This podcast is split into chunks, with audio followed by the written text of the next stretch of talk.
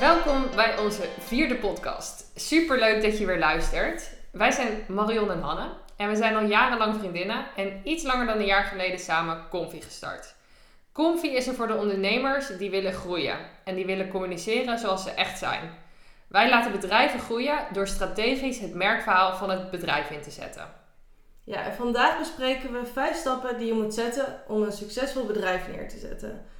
Maar voordat we daarop ingaan, willen we je vragen om een review achter te laten op Spotify. En volg je ons nog niet op Instagram? Doe dat dan vooral even. Oké, vijf stappen die je moet zetten om een succesvol bedrijf neer te zetten. Yes, dan beginnen we bij de eerste stap. En dat is, naar onze mening, de kern van je merk en je merkverhaal bepalen. Ja, dat is wel echt een belangrijke eerste stap. Want ehm, ja, de kern van je merk, je merkverhaal, dat is eigenlijk onderdeel van het, van het fundament van je organisatie. Onze visie is namelijk ook dat merkverhalen de toekomst zijn van goede marketing. En ehm, ja, die kan eigenlijk bijna niet meer zonder. Zo zien wij eh, eigenlijk het belang van een merkverhaal nu wel. Ja, en in, in de vorige aflevering hebben we het daar ook uitgebreid over gehad. Ja. In de derde aflevering van onze podcast hebben we besproken de vijf manieren hoe een merkverhaal je helpt als bedrijf. En daaruit was ook de conclusie: waarom zou je in hemelsnaam het willen doen zonder? Uh, het maakt je leven een stuk makkelijker en het laat je bedrijf groeien. Maar, um... ja, maar waarom het heel belangrijk is, denk ik, om terug te gaan naar de kern van je merk, is zodat je meteen heel veel structuur krijgt en een goede visie hebt waar je naartoe gaat. En ik denk dat we daar ook wel een goed voorbeeld voor, van hebben. Um, en dat is eigenlijk een personal trainer die we uh, ook hebben geholpen. En ja, er zijn echt mega veel personal trainers eigenlijk. Dus wat maakt iemand nou uniek? Waarom zou iemand naar hem toe moeten gaan? En je kan dan niet zeggen van nou de kern van mijn bedrijf is dat ik mensen help met trainen. Maar dat doen ze dus allemaal. Ja. Dus je moet eigenlijk op zoek naar dat unieke uh, verhaal wat je te vertellen hebt uh, vanuit de kern van je merk. En bij hem um, was dat eigenlijk ja, dat hij op een bijzondere manier mensen helpt.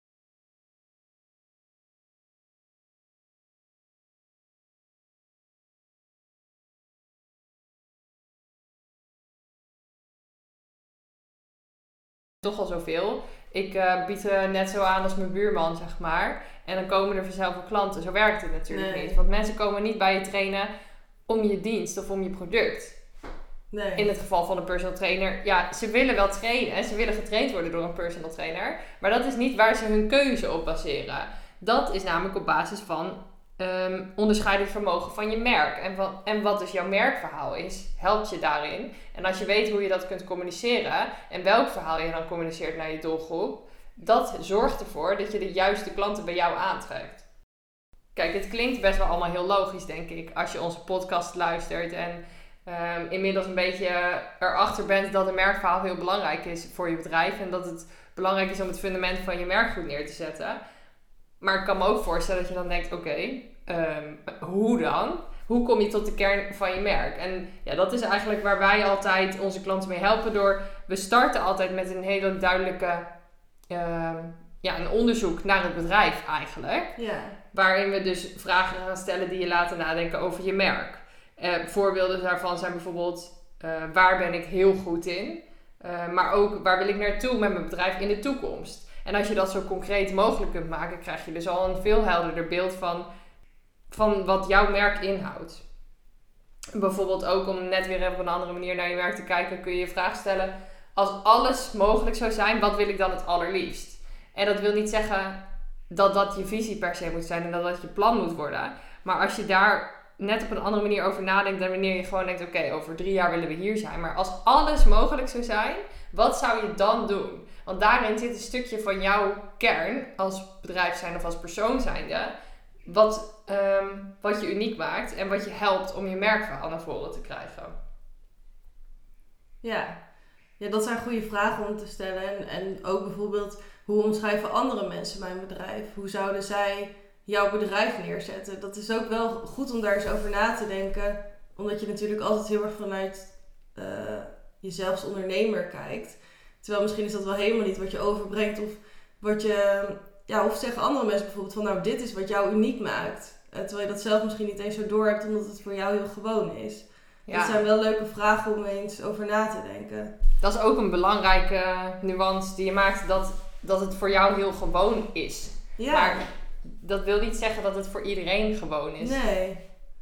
En ook waarom ben je met je bedrijf begonnen? Je bent niet voor niks begonnen als ondernemer. Daar zit, daar zit eigenlijk altijd al een stukje verhaal achter wat altijd uniek is. Ja, En ja, waar ben je bijvoorbeeld niet goed in? En waarom ben je daar niet goed in? Dat zijn ook dingen die je best op papier kunt zetten, omdat dat je ook weer onderscheidend maakt. Dus al die vragen, wij hebben echt een vragenlijst van misschien wel 30, 40 vragen Ja. die we kunnen stellen. eh, om maar tot die kern te komen. En, Ja. en daarbij is denk ik heel belangrijk dat we heel erg vragen ehm, waarom dat zo is. We Ja. vragen echt door. Eh, dus waarom ben je begonnen met je bedrijf? Nou, bijvoorbeeld, eh, dat kan zijn dat iemand een duurzame toevoeging wil zijn. Ja, maar waarom wil je dat dan zijn? precies. En door maar dat te blijven vragen, kom je uiteindelijk echt wel tot een kern die je uniek maakt. Ja, en daarbij is het wel belangrijk dat je ook ehm, diep durft te gaan. Ja, Dus inderdaad, dat waarom vragen, dat je dat echt heel serieus neemt. En daar continu, kijk, als wij dat met onze klanten, als wij het in ons traject doen, dan vragen wij die, die, stellen wij die vragen aan onze klanten. En ik vind het altijd wel grappig om te zien dat in het begin, er komen er een paar eerste vragen. We gaan natuurlijk niet meteen keihard erop in. Een Ja. beetje warm wil je ze wel krijgen. Maar dan, nou, iemand geeft dan een beetje antwoord. En dan, oh ja, oké. En dan hoor je altijd een beetje van die algemene antwoorden waarvan je denkt, ja, dit had ik op zichzelf ook al wel van dit bedrijf kunnen bedenken. ja. En op een gegeven moment gaan we weer net dat stapje verder door echt wat diepere, dieper op die vragen in te gaan. En inderdaad die waarom-vraag continu te stellen. Ik vind het altijd zo grappig om te merken dat iemand dan echt zo denkt, oeh, ja, eh, dat is een goede vraag. En dan op een gegeven moment ga je dus die diepte in, omdat er een soort mind shift ook is bij degene met wie we die ges- Ja. dat gesprek hebben. Vaak hebben we dat met meerdere mensen ook. En dat is altijd leuk om dan ook die dynamiek te zien tussen hoe iedereen binnen de organisatie er kijkt. En vaak zitten dan een paar dingen in die inderdaad hetzelfde zijn, waarvan wij dan dus denken: oké, daar zit dus een stukje kern. ja. En ehm, ja, sommige dingen moeten ze ook even over nadenken en komen ze dan een half uur later opeens op terug. En dat ze denken: oh ja, nu, als je het zo bekijkt, eigenlijk zit het zo en zo. ja. En dat vind ik altijd wel heel leuk om te merken. En ik, ja, dan is de kunst natuurlijk om dat dan de juiste dingen eruit te halen. En wat dan ehm, past binnen een Ja. merkverhaal, maar ook binnen wat is dan de visie van het bedrijf. En wat is onze missie? Wat zijn uiteindelijk de kernwaarden die daar bij dat hele verhaal passen, zeg maar. Ja. Maar hoe leuk is het ook als ondernemer om daar eens goed voor te gaan zitten en goed om over na te denken. Want het zijn echt, ja, ik bedoel niet zo persoonlijk bijna als je eigen bedrijf. eh, of ook een organisatie waar je werkt en heel veel eh, ja, tijd in de week er besteedt. Ja, Hoe leuk is het om een keer echt heel goed over na te denken waarom je doet wat je doet en waarom het bedrijf waar je werkt of wa- wat, wat voor jou is, zo uniek maakt dat je er ook wil werken en dat je ervoor wil gaan. ja. En het zit er ook gewoon in elke organisatie in. Ja, Het is alleen even erachter komen hoe je, daar dan, hoe je dat dan opgraaft. Zeg maar. ja. net als met die personal trainer. Niet elke personal trainer is hetzelfde. Iedereen is echt wel uniek. Ja, En je moet gewoon gaan zoeken naar wat het dan is wat je uniek maakt. ja, en hoe je dat kunt gebruiken. Ja, maar dat helpt je wel echt om een sterk merk neer te zetten. Ja. En dan, want als ik kijk naar ons. Kijk, wij helpen andere bedrijven met de kern van hun merk naar voren krijgen. En dat merkverhaal scherp te krijgen. Ja, En we hebben dit natuurlijk ook voor onszelf gedaan. Toen we startten, wisten we, oké, we moeten starten met dat fundament. ja. We moeten een goed merkverhaal hebben. Maar hoe kijk je daarop terug dan? Vind je dat we dat dan nu zo hebben gedaan, of toen zo hebben gedaan, als dat we het nu zouden doen? Nee, absoluut niet. Nee. Tenminste, zeker de manier waarop we ermee begonnen zijn om het voor onszelf te doen, denk ik nog steeds wel dat dat klopt. Maar het is zo lastig om eigenlijk naar jezelf een soort uit je bedrijf te stappen, erboven te gaan hangen en dan te gaan kijken, oké, dit zijn die kernelementen. Ja. Dus het kost dan ook gewoon wel echt tijd. Ik heb het gevoel dat we nu, nou ja, bijna anderhalf jaar nadat we het eerste plan op papier hebben gezet, dat we nu pas echt scherp hebben wie we zijn, eh, wat ons verhaal is en voor wie we dat verhaal, voor wie we doen wat we doen, zeg maar. En ik denk wel dat het goed is geweest dat we het toen meteen op papier hebben gezet. Ook al is het nu iets aangepast. Het, heeft, het was wel een heel, hele belangrijke bouwsteen voor het bouwen aan ons bedrijf. Ja, absoluut. Alleen ik denk wel dat het goed is. Misschien hadden we toen ook iemand anders er ook naar moeten laten kijken. Of er mee moeten, Ja. in gesprek moeten gaan. Ja, dat zou ik nu achteraf misschien ook wel anders doen. Maar ja, dat is ook altijd het lastige. Van wat ga je, waar investeer je in in het begin, zeg maar. Ja. Ik bedoel, ehm, Maar nu merk ik wel dat het heel belangrijk is dat je dat wel meteen goed hebt. Want nu we dat wel hebben, geeft het ons wel echt veel sturing. En Ja. ook maakt het het wel makkelijker. veel makkelijker. Ja. Want alleen al, merk, ik, merk het, ik merk het persoonlijk het grootste verschil met... Op het moment dat iemand nu aan mij vraagt die ik nog niet zo goed ken... Die vraagt, wat, wat is Comfy dan en wat doen jullie dan? Dat ik nu veel makkelijker hupster wat kan vertellen wat we dan doen. Ja. En dat iemand het ook snapt. ja, In plaats van dat iemand denkt, ah ja, klinkt Ja. wel interessant. Maar wat je dan precies doet, geen idee. nee. Dus dat is een groot verschil. Maar ook op het gebied van eh, hoe wij nu actief bezig zijn op onze Instagram en LinkedIn en het verschil daartussen. En ehm, hoe we daarin keuzes hebben gemaakt, ehm, wat voor content we dan plaatsen. Dat is nu logisch Ja. en makkelijker. Ja. En dat geeft mij in ieder geval een hoop meer. ehm, het kost minder tijd, maar daardoor is het makkelijker en leuker, vind ik Ja. persoonlijk. Ook al vond ik het een jaar geleden ook leuk. Maar ja, goed, het is wel ik vind het sowieso gewoon leuk, zeg maar. Ja. Maar het, het gaat nu makkelijker.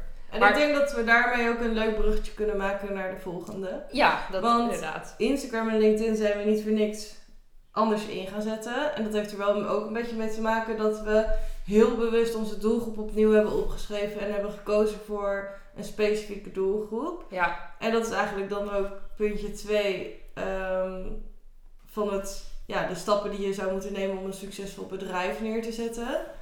Ehm, dat is eigenlijk je doelgroep kiezen en beschrijven. ja, Nou ja, dat doen wij natuurlijk, hebben we zelf al gedaan voor Comfy, maar we doen het ook altijd voor onze klanten. ja, heel belangrijk onderdeel. Echt een, eh, wel een uitgebreid doelgroeponderzoek, waarbij we vooral kijken naar de intentie van de doelgroep, waarom ze bij iemand zouden moeten komen, of waarom het goed zou aansluiten.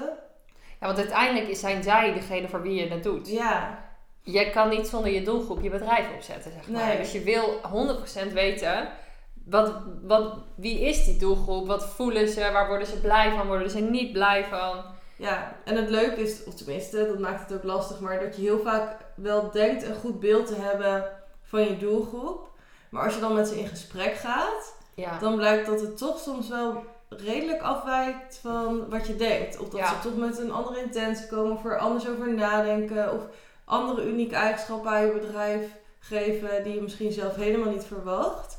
Dus ik denk dat het daarom ook echt heel veel meerwaarde heeft om goed onderzoek te doen naar je doelgroep. Ja, ja, en wat ik dan ook echt belangrijk vind, dat ehm, voor mijn gevoel veel mensen toch nog niet altijd doen, is echt in gesprek gaan met je doelgroep.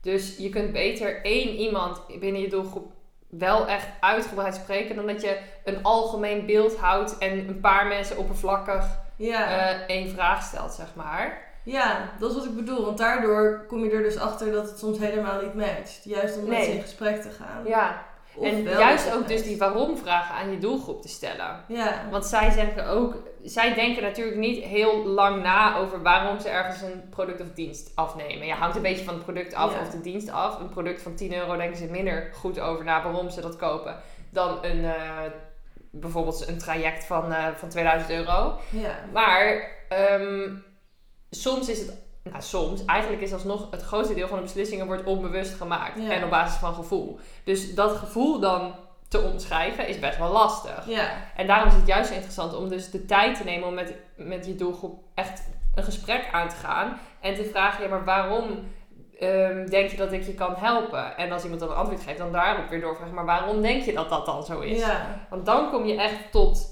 belangrijke ehm, overtuigingen die je doelgroep heeft, wat je weer kunt gebruiken in je eigen fundament van je merk. Ja. En ook belangrijk is durven kiezen. Ja, dat is heel belangrijk. We zien ook wel eh, heel veel ondernemers. Als je vraagt eh, wie is je doelgroep? Ja, iedereen die van mij wil kopen is mijn doelgroep. Ja, dan ga je iedereen aanspreken. Dat werkt niet. Je kan nooit iedereen aanspreken. En dan spreek je dus uiteindelijk helemaal niemand aan. Nee. Ehm, dus ja, het is echt wel heel belangrijk dat je een specifieke doelgroep kiest. Ja, inderdaad. Want dat maakt het ook weer makkelijker. Ja. Kijk, het is ook niet zo dat op het moment dat je een doelgroep kiest, dat je dat dat betekent dat je jezelf beperkt. Ja, dat je de rest uitsluit. Ja, dat, dat, is, is, het ook nee, niet. Dat is helemaal niet zo zelfs. En je kunt ook altijd kiezen om ehm, uiteindelijk uit te breiden naar meerdere doelgroepen bijvoorbeeld. Ja. Stel je hebt gewoon een, je kiest een, eh, een bepaalde niche. Ik vind niet per se trouwens dat je echt een minimale niche altijd moet kiezen hoor. Nee. Het kan wel goed werken, het kan wel makkelijk zijn. Dus Ja. als je de kans hebt, zou ik het denk ik wel doen. Als het redelijk makkelijk is om een niche te kiezen. En je kunt altijd nog uitbreiden met, Ja. met meerdere niches. Daar geloof ik ook wel in. Ja. Maar om echt marketing te gaan inzetten, is het wel heel belangrijk dat je een eerste keus maakt. En dat, je dat, dat dat dus een kleine groep is met mensen. Want het is gewoon, als ik kijk maar naar jezelf. Als ik aangesproken word op dezelfde manier als iemand van 65. Ja, sorry, maar ik word niet met dezelfde tone of voice eh, getriggerd, zeg maar. Nee. Ik heb andere ehm, gevoelens. Ik heb andere dingen waar ik me mee bezighoud in mijn leven. Ik heb nog andere eh, ambities bijvoorbeeld. Ja, weet ik veel. Ja. En dan iemand van 65 plus. Ja. En daarom is het ook heel belangrijk om wel een goed beeld te hebben van wie, wie jouw doelgroep is. En daar dus ook voor durft te kiezen, ja. Ja, dus ja, daar hebben we ook een aantal vragen die we daar bijvoorbeeld stellen aan de doel, over de doelgroep van onze klanten. Of aan de doelgroep van onze klanten. Is echt op dat stukje gevoel in te gaan. Dus welke emoties spelen er in hun dagelijks leven? Welke ambities hebben ze in hun leven? Eh, wat vinden ze belangrijk Ja. in hun leven? En met welke intentie komen ze bij jou of komen ze bij je concurrent terecht? Of welke vraag hebben ze en welke oplossing eh, bied jij hiervoor? Of wie wil je helpen en waarom? Het zijn wel allemaal vragen die we eh, stellen of aan de klant of aan de doelgroep. Om echt een duidelijk be- beeld te krijgen van de doelgroep. En dat is wel echt heel belangrijk. En wat ik net ook zei, het is niet zo dat je dan mensen uitsluit daarna. Ehm, bijvoorbeeld bij onszelf was het ook bij, bij begonnen. En toen zeiden we, nou, we gaan vooral voor startende ondernemers of eh, jonge ondernemers die de positionering, zeg maar, iets anders willen doen. En onze eerste opdracht was een heel groot bedrijf eh, die dat helemaal, die Die eigenlijk helemaal, campagne wilde. ja, die helemaal niet in ons plaatje paste. Maar het paste wel heel goed bij wat we aanbieden. Ja. En daardoor konden we wel, ehm, ja, konden we hun wel helpen. Dus ik denk dat het wel heel goed is. We hebben hun nooit, zeg maar, aangesproken met onze marketing of met het neerzetten van ons bedrijf. Maar we hebben ze ook niet uitgesloten. En uiteindelijk past het ook best wel heel goed bij wat we aanbieden. Waardoor Ja. die match er uiteindelijk toch wel komt. Ja. En uiteindelijk hebben wij, denk ik, zijn wij goed in een merkverhaal naar voren halen, het fundament van een merk neerzetten en dat te vertalen naar een super praktisch marketingplan. En dat past bij meerdere doelgroepen. Maar we hebben wel besloten, oké, wij hebben onszelf ook de vraag gesteld, wie willen we helpen en waarom? Ja. Dus daarom hebben we nu de afweging gemaakt, oké, we helpen, onze eerste doelgroep is aan de ene kant startende ondernemers, voor bedrijven die net beginnen en die nog dat merk neer moeten gaan zetten. Die hun product of dienst nog in de markt gaan brengen of daar echt net mee begonnen zijn. ja. Want dat is een cruciaal moment om je fundament neer te zetten en het maakt het zoveel makkelijker om te groeien. Maar aan de andere kant hebben we ook juist een doelgroep van bedrijven die al wat langer bezig zijn en die hier en daar misschien al wel eens wat met marketing hebben gedaan of echt zelfs wel uitbesteed hebben. Ja. Maar gewoon het gevoel hebben van, volgens mij valt er nog meer uit ons bedrijf te halen. En kunnen we ons bedrijf echt wel als een merk gaan neerzetten. ja. En die ondernemers helpen we juist omdat ze al wat langer erin zitten. En helpen we om weer opnieuw te kijken naar hun merk. Van wat is nou eigenlijk ons merkverhaal? En ja. dat fundament weer scherp te krijgen. En vanuit daar zelf hun marketing uit te kunnen voeren. Dus dat zijn twee hele verschillende doelgroepen. Die Ja. met, hetzelfde, met dezelfde visie helpen Ja. maar wel een ander product aanbieden. Ja, dat klopt, ja. Dus dat wer zo werkt het. En eerst boden we dus, eh, hadden we eigenlijk daar één doelgroep van gemaakt. Ja. En dat was ook onze valkuil. Ja, Dat we dus alsnog niet gekozen hebben. nee. En nu hebben we gekozen, ja, maakt het dus ook veel makkelijker om het verhaal daar neer te leggen, Ja. merk ik. Maar ook niet alleen, zeg maar, want ook, wij gaan natuurlijk automatisch heel snel in op marketing. Maar ook, zeg maar, gewoon je product of dienst.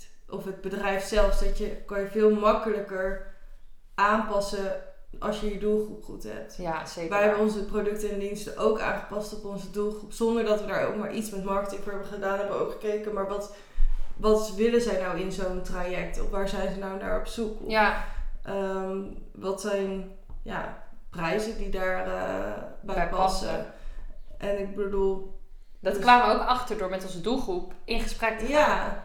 Dus ik denk dat de doelgroep kiezen, het is super, het is voor je marketing. Je kan eigenlijk geen marketing inzetten zonder dat je je doelgroep gekozen hebt. Nee. Maar om echt je bedrijf neer te zetten, is het echt ook van cruciaal belang eigenlijk dat je goed weet aan wie je jouw product of dienst verkoopt. Ja, Ook om dat dus aan te scherpen en dat aan te passen. ja.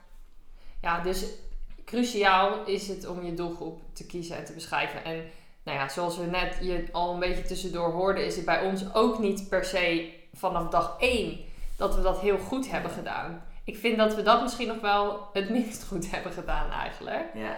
Omdat het een beetje verwarrend werd daardoor. Nou, ik denk dat we in eerste instantie heel specifiek zaten. Toen zeiden we, nou, we doen echt alleen voor startende ondernemers. ZZP'ers zelfs. ZZP'ers. Startende ZZP'ers Ja. als onze doelgroep, volgens mij. Eh, Maar we hadden er nog nooit tegen gesproken. En we wisten ook niet precies wie het waren. Nee. dus daar kwamen we één, één niet mee in aanraking. En twee past eigenlijk wat we aanbieden helemaal niet zo goed bij hun. Nee, we- want wat wij aanboden was veel te groot voor wat bij die doelgroep past Ja. eigenlijk. En daar kwamen we op een gegeven moment ook achter. Toen dachten ja, maar we willen hun... We Ik denk dat ze er heel veel aan hebben. Ja, precies. En dat Ja. geloof ik ook nog steeds. Ja. Maar goed, als zij niet met die intentie bij ons komen, ja, dan, dan Heeft bied je het gewoon niet het juiste product bij de juiste doelgroep. Nee, heeft dit geen zin. Nee. En dan eh, is dat meer iets voor over een tijd, zeg maar. Als ze dus doorgegroeid zijn naar een wat meer ervaren ondernemer, dat ze al wat langer ondernemen, daar past het veel beter bij. Maar ik denk nu dat we ehm, dat nu wel heel goed en duidelijk voor onszelf hebben. En duidelijk een doelgroep hebben gekozen, duidelijk een doelgroep hebben beschreven. Ja, Ehm, hebben we nog nooit zoveel richting gehad in onze product en dienst aanbieden. Wat daar zo bij zou passen, wat, welke prijzen erbij passen, hoe het Ja. traject eruit moet zien, ja, hoe de marketing eruit ziet. Ehm, alles hebben we wel helemaal vormgegeven doordat we nu die doelgroep hebben durven kiezen. ja, ja. Dus omdat we die st- eerste twee stappen hebben gezet, de kern van je merk en je merkverhaal bepalen, en stap 2 je doelgroep kiezen en beschrijven, is stap 3 een contentstrategie Ja, maken. dat is een perfect bruggetje. Veel makkelijker geworden. Ja, nee, dat is echt zo. Een contentstrategie maken, dat is een heel belangrijk onderwerp voor het neerzetten van je bedrijf. Ja, en je doet het echt, dat doe je echt voor jezelf. Ja, alles doe je voor jezelf, maar, eh, of tenminste, dat is niet waar, want je doet het voor je doelgroep. Maar ik bedoel, je contentstrategie maken, dat is een hele belangrijke stap voor jezelf en je bedrijf. Omdat het het veel makkelijker maakt om je ook te houden aan je strategie voor je merk. Ja, en ook denk ik, ehm, doordat je stap 1 en 2 inderdaad makkelijk meeneemt. Want doordat je contentstrategie maakt, eh, ga je in al je boodschappen je kern heel erg laten zien, je verhaal heel erg delen. Dus iedereen weet straks heel duidelijk wat je doet en wie je bent. En stap 2 was een goede doelgroep aanspreken. Ja, dat met een contentstrategie denk je al na over dus die doelgroep. En weet je dus ook zeker dat je de juiste doelgroep eh, aanspreekt. En, En hoe je dat moet doen. ja, en hoe dat binnenkomt bij je doelgroep. Ja, En hoe je doelgroep over jou wil horen. ja. Ja, en daarbij deel je dus, denk je dus eigenlijk heel bewust na over, oké, wat voor content ga ik dan wel delen? Wat past, wat wil mijn doelgroep horen? Waar kan ik ze mee helpen? Ja, En waar, hoe kan ik mijn merkverhaal dan delen naar mijn doelgroep toe? ja. Maar ook in die contentstrategie bepaal je dus wat je dan niet gaat delen. Nee. Want dat is ook wel een hele belangrijke. Het is niet per se zo dat je een contentstrategie alleen maar maakt, zodat je altijd iets te plaatsen hebt. Dat is echt te, te bazaal. Ja. Het gaat er ook juist om dat je heel strategisch hebt nagedacht van oké, maar welke content heeft voor mij geen zin om te delen. Ik bedoel, het is heel leuk en heel vervelend als je een kat hebt die naar de dierenarts moet. Maar als je totaal niks te maken hebt met de doelgroep die een kat heeft die naar de dierenarts moet. En dat heeft niks met je product of dienst te maken. Nee. Ja, nobody cares. nee. Ook nou, al is het leuk ja. om persoonlijk te worden. Ja, daar zit niemand op te wachten. Nee. En dat is denk ik een hele belangrijke sowieso. Is dat wij nog wel heel vaak tegenkomen dat mensen delen wat hun product of dienst is, omdat ze dat heel graag laten, willen laten zien, wat ik ook snap. Maar uiteindelijk is dat niet iets wat de doelgroep wil horen of wil weten. Nee, het gaat erom wat doet dat met mijn doelgroep, zeg maar, Ja. mijn product of dienst. En dat wil je, die kern wil je al vastleggen op social media. Zo, van de week bijvoorbeeld had ik over bij, ehm, bij een bedrijf. Die gaven aan van op het moment dat wij bij een eh, potentiële klant aan tafel komen te zitten, gaat eigenlijk 99% van de offertes gaat door. Nou, dat is echt heel goed. Ja, Alleen, hoe krijgen we die mensen aan tafel? En dat is, vond ik dus interessant. Want het punt is dat op het moment dat je dus ehm, je merkverhaal, je doelgroep scherp hebt en je weet hoe je ze kan helpen en waarom je eh, voor hun de juiste oplossing bent, daardoor gaan die offertes door. ja, Maar dat stukje, als je dat in je contentstrategie, die kern al hebt zitten, kun je dus al via je marketing datzelfde doel bereiken. En je doelgroep al warm maken en daarmee veel meer mensen al aantrekken. ja. Dan haal je ze eigenlijk in dat voortraject al aan. Precies. Ja. En dat is juist zo interessant voor marketing, vind ik. En ja, dus uiteindelijk helpt het ook ehm, om het overzichtelijk en behapbaar te houden. Ja, Want anders kan het soms ook wel overwhelming voelen. En een contentstrategie maakt het dan voor jezelf weer wat kleiner. ja. Ja, en ik denk dat we daar zelf ook ehm, wel een hele goede contentstrategie hebben eh, neergezet. Of tenminste, we hebben daar heel goed over nagedacht. Ehm, wij helpen ondernemers echt met het neerzetten van een strategie. En het leren over hoe je marketing uitvoert. En nou, we hebben allebei eh, genoeg ervaring bijvoorbeeld met de vindbaarheid in Google. En hoe je dat in, de, tot in de details zou moeten eh, uitwerken om ervoor te zorgen dat je beter vindbaar bent. Eh, maar ja, dat, eigenlijk deden we dat bewust niet Nee, omdat ja, onze doelgroep, die zit daar helemaal niet op te wachten.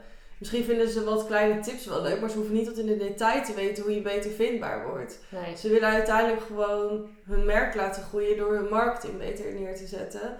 En ja, dat past daar gewoon niet. Nee, En wij willen ook niet die mensen aantrekken die dat wel willen. Nee, want dan bieden wij niet de juiste product of dienst aan. Nee. Ehm, dus ja, ik denk dat we de, door die bewuste keuze te maken om dat niet te doen bijvoorbeeld, weten we wel zeker dat we de juiste mensen wel aantrekken. Ja. En soms is het wel verleidelijk, hè? Dat vind Ja. ik wel. Want je hebt... Soms vind ik het best wel verleidelijk om ook dingen te delen van ik denk, oh, dit valt me op. Of hier weten we ook veel over. Daar kunnen we best een keer wat mensen mee helpen. En dat is verleidelijk om daar dan over te delen. Maar het is uiteindelijk op de lange termijn verwarrend. En daardoor trekken we dan online bijvoorbeeld een doelgroep aan die we eigenlijk niet aan willen trekken. Nee. En dat is zonde. nee. En ook de huidige volgers, zeg maar, zijn ons dan gaan volgen omdat ze iets interessant vinden. Die denken dan ook, "Huh, wat is dit ineens? Ja, precies. Dat wil je ook voorkomen. Ze Ja. moeten gewoon altijd als ze iets van comfy voorbij zien komen, weten wat, het, wat we doen. Ja, en ik wil het liefst dat op het moment dat je dus om tafel komt met je doelgroep en dat ze ehm, in de fase zitten om echt nou ja, een voorstel van je te ontvangen of ehm, eventueel zaken met je te willen gaan doen, dan wil ik dat alles met elkaar klopt. Dat hun Ja. vraag volledig klopt met wat wij doen. Ja. En dat dat bij alles is, oh ja ja, we zitten een beetje hier aan te denken dat wij kunnen zeggen, oh ja, maar dat dat, dat ook echt zo is. Dat dat onze dienst is. Dat dat perfect past. En dat gebeurt alleen als je aan de voorkant al heel duidelijk met het juiste verhaal de juiste doelgroep aanspreekt. Want dan trek je ook die mensen aan. En als je andere mensen gaat aantrekken, ja, ik vind het een heel naar een verkoopgesprek op het moment dat je eigenlijk een beetje je in bepaalde bochten moet wringen om toch nog een beetje in dat plaatje te passen. ja. Want die neiging, ja, op het moment dat je een salesgesprek hebt, wil je toch die klant binnenhalen. Maar ja, dat, dat moet je gewoon eigenlijk niet willen. Nee. En ehm, op het moment dat je aan de voorkant daar dus al hele bewuste keuze in maakt, is de kans veel kleiner dat je de verkeerde, met de verkeerde mensen aan tafel komt te zitten. Ja. En dat vind ik eh, heel waardevol er juist aan. Ja, ik ook. Daarom is het ook wel echt heel belangrijk om ehm, een goede contentstrategie neer te zetten. En daarom is het belangrijk om stap 4 te doen, Ja. namelijk het consistent toepassen van je strategie. Ja, want als je niet consistent bent, ja, dan heeft het eigenlijk geen zin. Nee. En ja, het is dan wel echt een, een eeuwenoude theorie dat herhaling heel belangrijk is als je wil dat je doelgroep voor je kiest. Maar dat is niet voor niks. Nee. Je moet gewoon vaker een boodschap zien voordat je het onthoudt. Ja. Kijk maar naar jezelf ook. Dat, ja, je moet gewoon regelmatig iets voorbij zien komen. Wil je iets uh, onthouden en er ook... En herkennen. Ja, en herkennen inderdaad. Of als je dan uh, bijvoorbeeld denkt aan sporten, dat je dan dus meteen aan die personal trainer denkt. Ja. Daarvoor moet je hem wel regelmatig voorbij zien komen. Het is niet dat je hem één keer voorbij ziet komen, dat je precies weet wat diegene doet. Precies weet waarom diegene uniek is en waarom je daar naartoe zou moeten. Zo werkt het gewoon niet. Nee. Nee, het gaat er echt om dat je herhaalt. Want op het moment dat je dus heel vaak iets voorbij ziet komen, dat werkt gewoon bij ons mensen zo. Ehm, je begint iets te herkennen, waardoor het vertrouwder voelt, waardoor je dus ook automatisch een positieve houding ten opzichte van het merk gaat ontwikkelen. Ja. Dat is het meer exposure effect. Uh, ik weet niet of het zo uitspreekt eigenlijk, maar volgens mij, ik spreek het altijd zo uit. En dat is dus dat je zorgt voor een positieve houding bij je doelgroep, puur en alleen omdat ze je herkennen, waardoor ze een vertrouwde gevoel bij je krijgen. En als je dus consistent je strategie toepast, zorgt dat voor herkenbaarheid. En wat dan op de lange termijn weer zorgt voor een positieve houding bij je doelgroep. Ja. Dus ja, dat is eigenlijk heel logisch en simpel. Maar wel een valkuil om het consistent te blijven toepassen. Ja. Ja, dat is, maar het is wel heel belangrijk. Ja. En want hiermee creëer je gewoon dat haakje in iemands brein waarmee je uh, laat zien wat je doet en ja, dat iedereen dan ook heel, een heel duidelijk beeld heeft uh, van wat je doet. Nou ja, wat je net zegt, als iemand op het moment dat je aan een trainer denkt, dat je aan die ene personal trainer denkt, Ja. dat je dan dus top of mind bent bij je doelgroep. Ja. Dat wil je uiteindelijk. En dat het dus een no-brainer wordt voor je doelgroep om bij jou aan te kloppen. Ja, en ook dat je dus weet wat diegene uniek maakt. Ja, en dat hoef je niet eens per se te weten in de zin van dat je het uit kunt leggen, maar het gevoel moet er zijn. Ja, Dat je dus voor jouw gevoel de, in- van binnen weet waarom, iemand, waarom je diegene wil en niet iemand anders. nee, precies. En dat vind ik dus zo sterk bijvoorbeeld aan het inzetten van een merkverhaal. Is ehm, dat je door een verhaal niet echt het gevoel hebt dat je beïnvloed wordt. Dus iemand vertelt gewoon heel vaak, eigenlijk, consistent, wat diegene aan het doen is. Waardoor je straks heel goed weet wat diegene doet.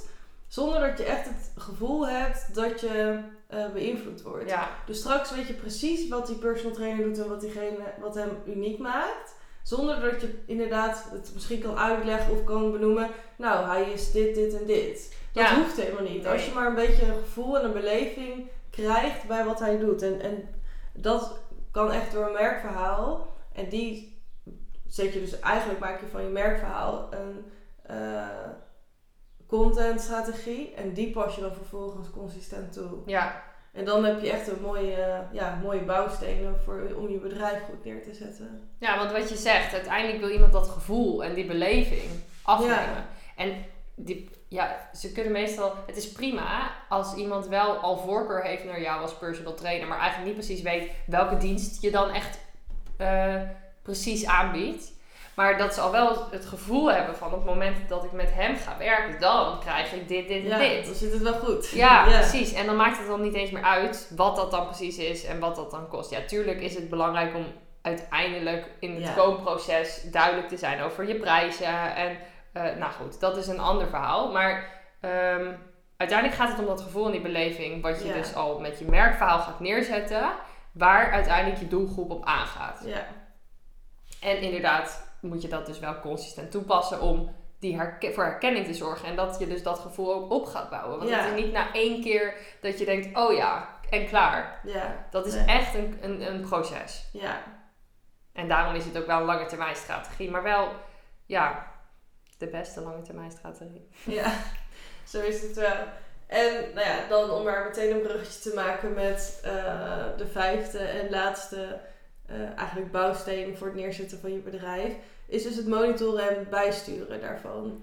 Want je kan wel een hele mooie contentstrategie hebben bedacht en die consistent toepassen, maar als het niet werkt, dan werkt het niet. En dan moet je er dus iets aan gaan doen, zodat het wel werkt. Dus dan moet je het gaan eh, bijsturen. En dat kan alleen als je het goed monitort. Ja, en jezelf ook blijft ontwikkelen en verbeteren daarin. En dus kijkt, oké, dit, dit werkt wel, dit werkt niet. Ja, want zo blijf je groeien uiteindelijk.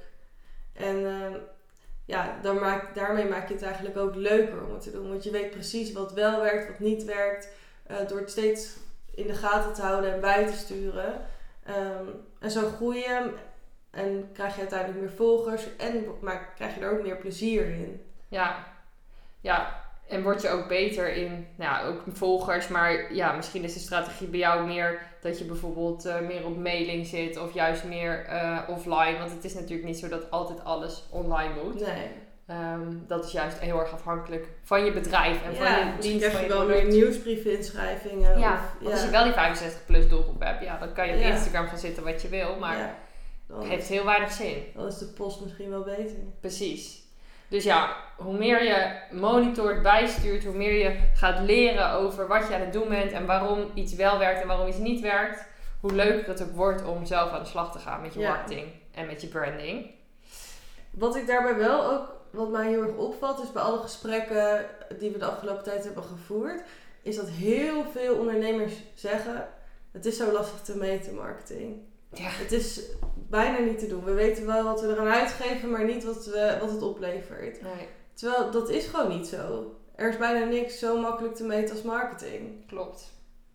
Maar je moet wel weten hoe. Ja, je moet wel weten hoe, maar het kan echt. Want je weet natuurlijk, ehm, nou even bijvoorbeeld wel social media, hoeveel volgers je hebt, hoeveel likes een berichtje krijgt, eh, hoeveel reacties eruit komen. Ehm, maar je kan ook zien hoeveel mensen er vanuit social media bijvoorbeeld op je website zijn gekomen of Ja. je eh, hebben gebeld. Dus alleen dat al is heel goed zichtbaar. Ja. En juist ook als je gaat adverteren is het helemaal makkelijk om te, om te monitoren. Ja, Maar je moet wel naar de juiste, weten naar welke cijfers je moet kijken. Dat is wel zo. Ja, dat is wel zo. Maar het is dus wel te doen. En ik denk dat het wel heel belangrijk is om dus voor jezelf inzichtelijk te maken ehm, wat het doel is van het inzetten van je marketing. Dus Ja. uiteindelijk wat is het belangrijkste voor jou wat eruit komt. Als dat bijvoorbeeld een, eh, het verzenden van een, een nieuwsbrief is waar je telefoontjes uit wil krijgen. Ja, dan ga je dus meten hoeveel telefoontjes je krijgt. Je kan het voor jezelf echt wel meetbaar maken. En ik denk wel dat het heel belangrijk is om dat te doen. Omdat dat de enige manier is waarop je straks kan bijsturen. Ja, inderdaad. Dus die cijfers zijn daarin echt wel heel interessant. Want op basis daarvan kun je ook jezelf verbeteren. Ja, Ja, nou, daarmee zijn we eigenlijk eh, de vijf stappen die je moet zetten om een succesvol bedrijf neer te zetten doorgegaan. ja. En ehm, ja, we willen je bedanken voor het luisteren naar deze podcast. We zijn natuurlijk heel benieuwd wat je ervan vond. En we zouden het heel erg waarderen als je een review, review achterlaat op Spotify. En heb je zelf nog specifieke vragen over je merkstrategie, over het toepassen van je merkverhaal of andere marketing gerelateerde vragen? Volg ons dan op Instagram en laat het ons weten. Je kan ons volgen op communication.foryou. En misschien bespreken we in de volgende podcast dan wel het onderwerp waar jij heel erg in geïnteresseerd bent. Bedankt voor het luisteren.